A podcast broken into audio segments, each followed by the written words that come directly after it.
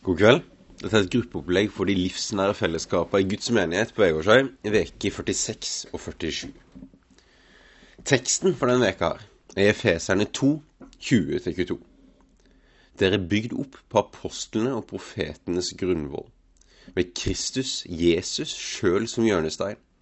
Han holder hele bygningen sammen, så den vokser til et hellig tempel i Herren.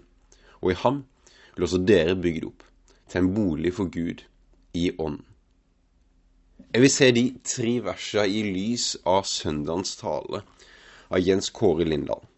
Altså det å leve enklere for å få mer plass til Jesus. Og I den talen så henviste han til Edin Løvaas, det vi gjerne kaller retreat-bevegelsens far i Norge. For han har blitt ganske kjent i arven etter han, at han hadde seks kjennetegn på hva som kan være en disippel. Og det siste av de kjennetegna er at en disippel forenkler livet slik at han kan leve som en disippel.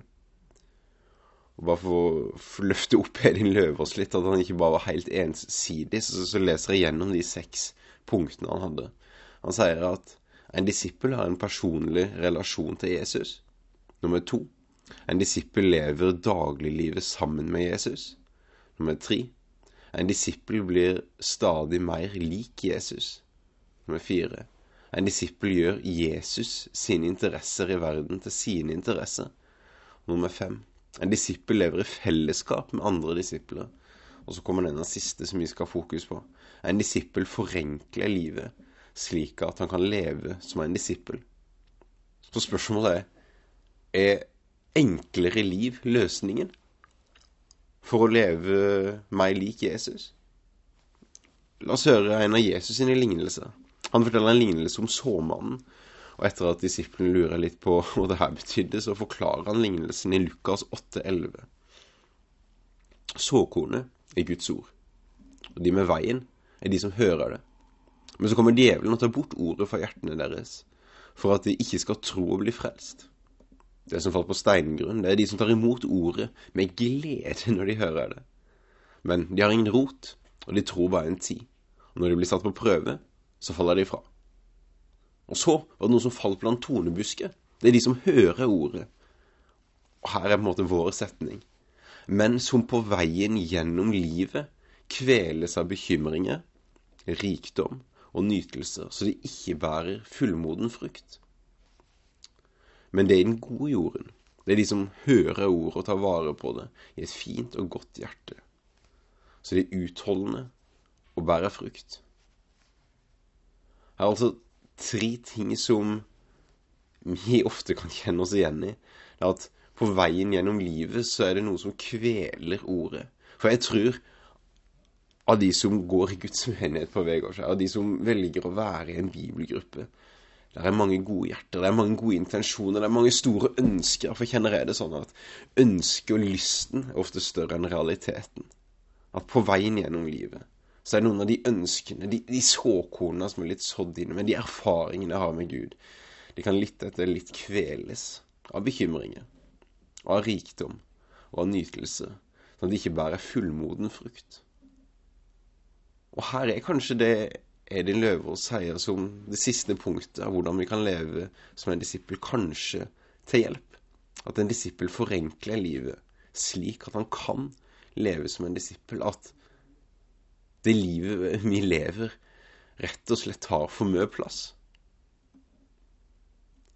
Så hvis vi skal se på de tre orda bekymring, rikdom og nytelse, som i seg sjøl ja, Bekymring er i seg sjøl ikke så bra, men de to andre er i seg sjøl ikke noe negativt.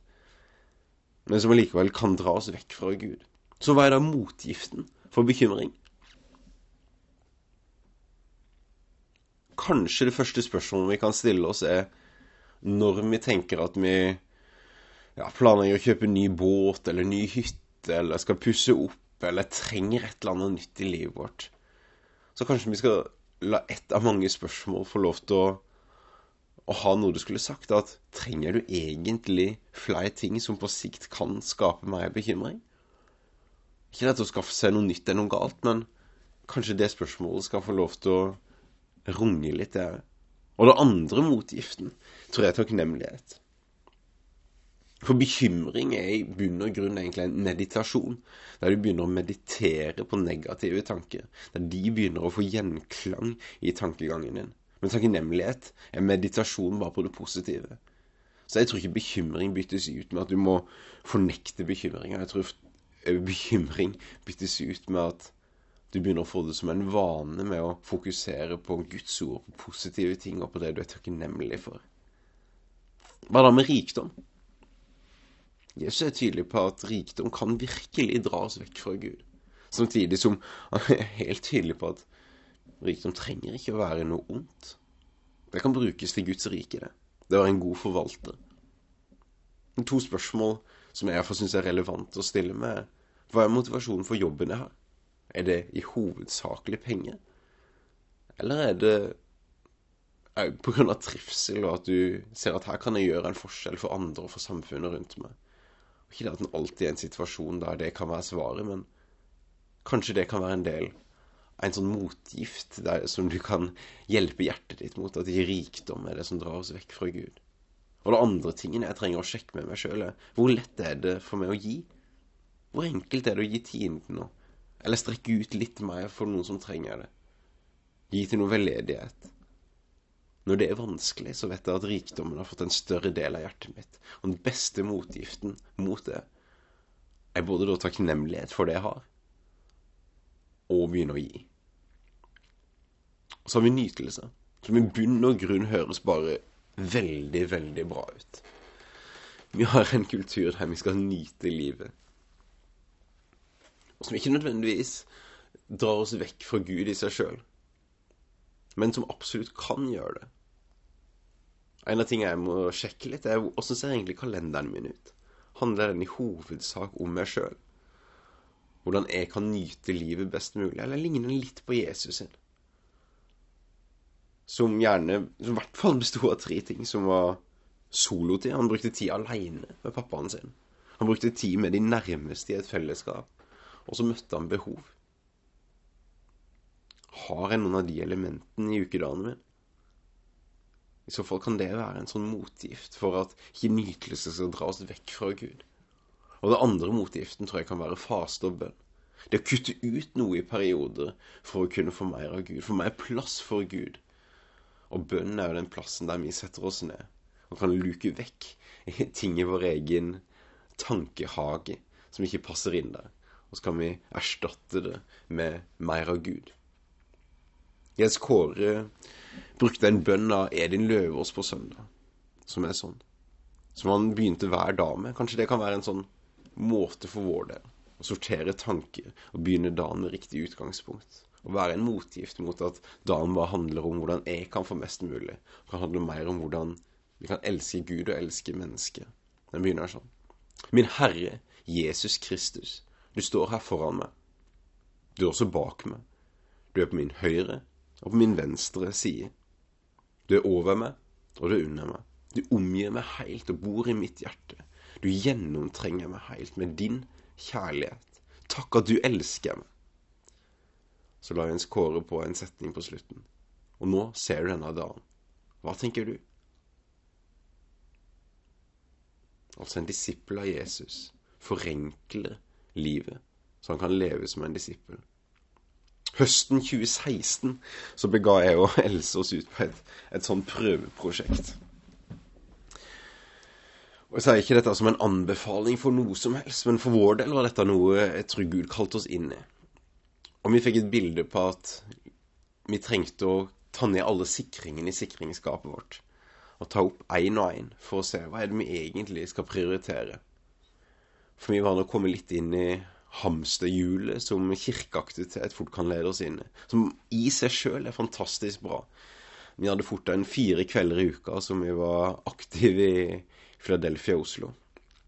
Og så så vi at det her gir egentlig ikke så mye liv, verken for oss eller for mennesker vi møter. Vi trenger å, å sjekke hjertet vårt, og kanskje var det bare hjertet vårt som Gud trengte å jobbe med. Um, så vi kutta alt og begynte å ta opp igjen én og én ting. Og prøvde å, at vi i hvert fall skulle ha plass til de, tringa, de tre tinga som jeg opplevde i hvert Jesus prioriterte. Vi trengte å ha tid med Gud sjøl. Vi trengte å ha fellesskap med noen få mennesker som utrusta oss. Og vi trengte å møte behov rundt oss. Vi trengte å møte naboer. Invitere kollegaer hjem på middag. Og se mennesker rundt oss som trengte det.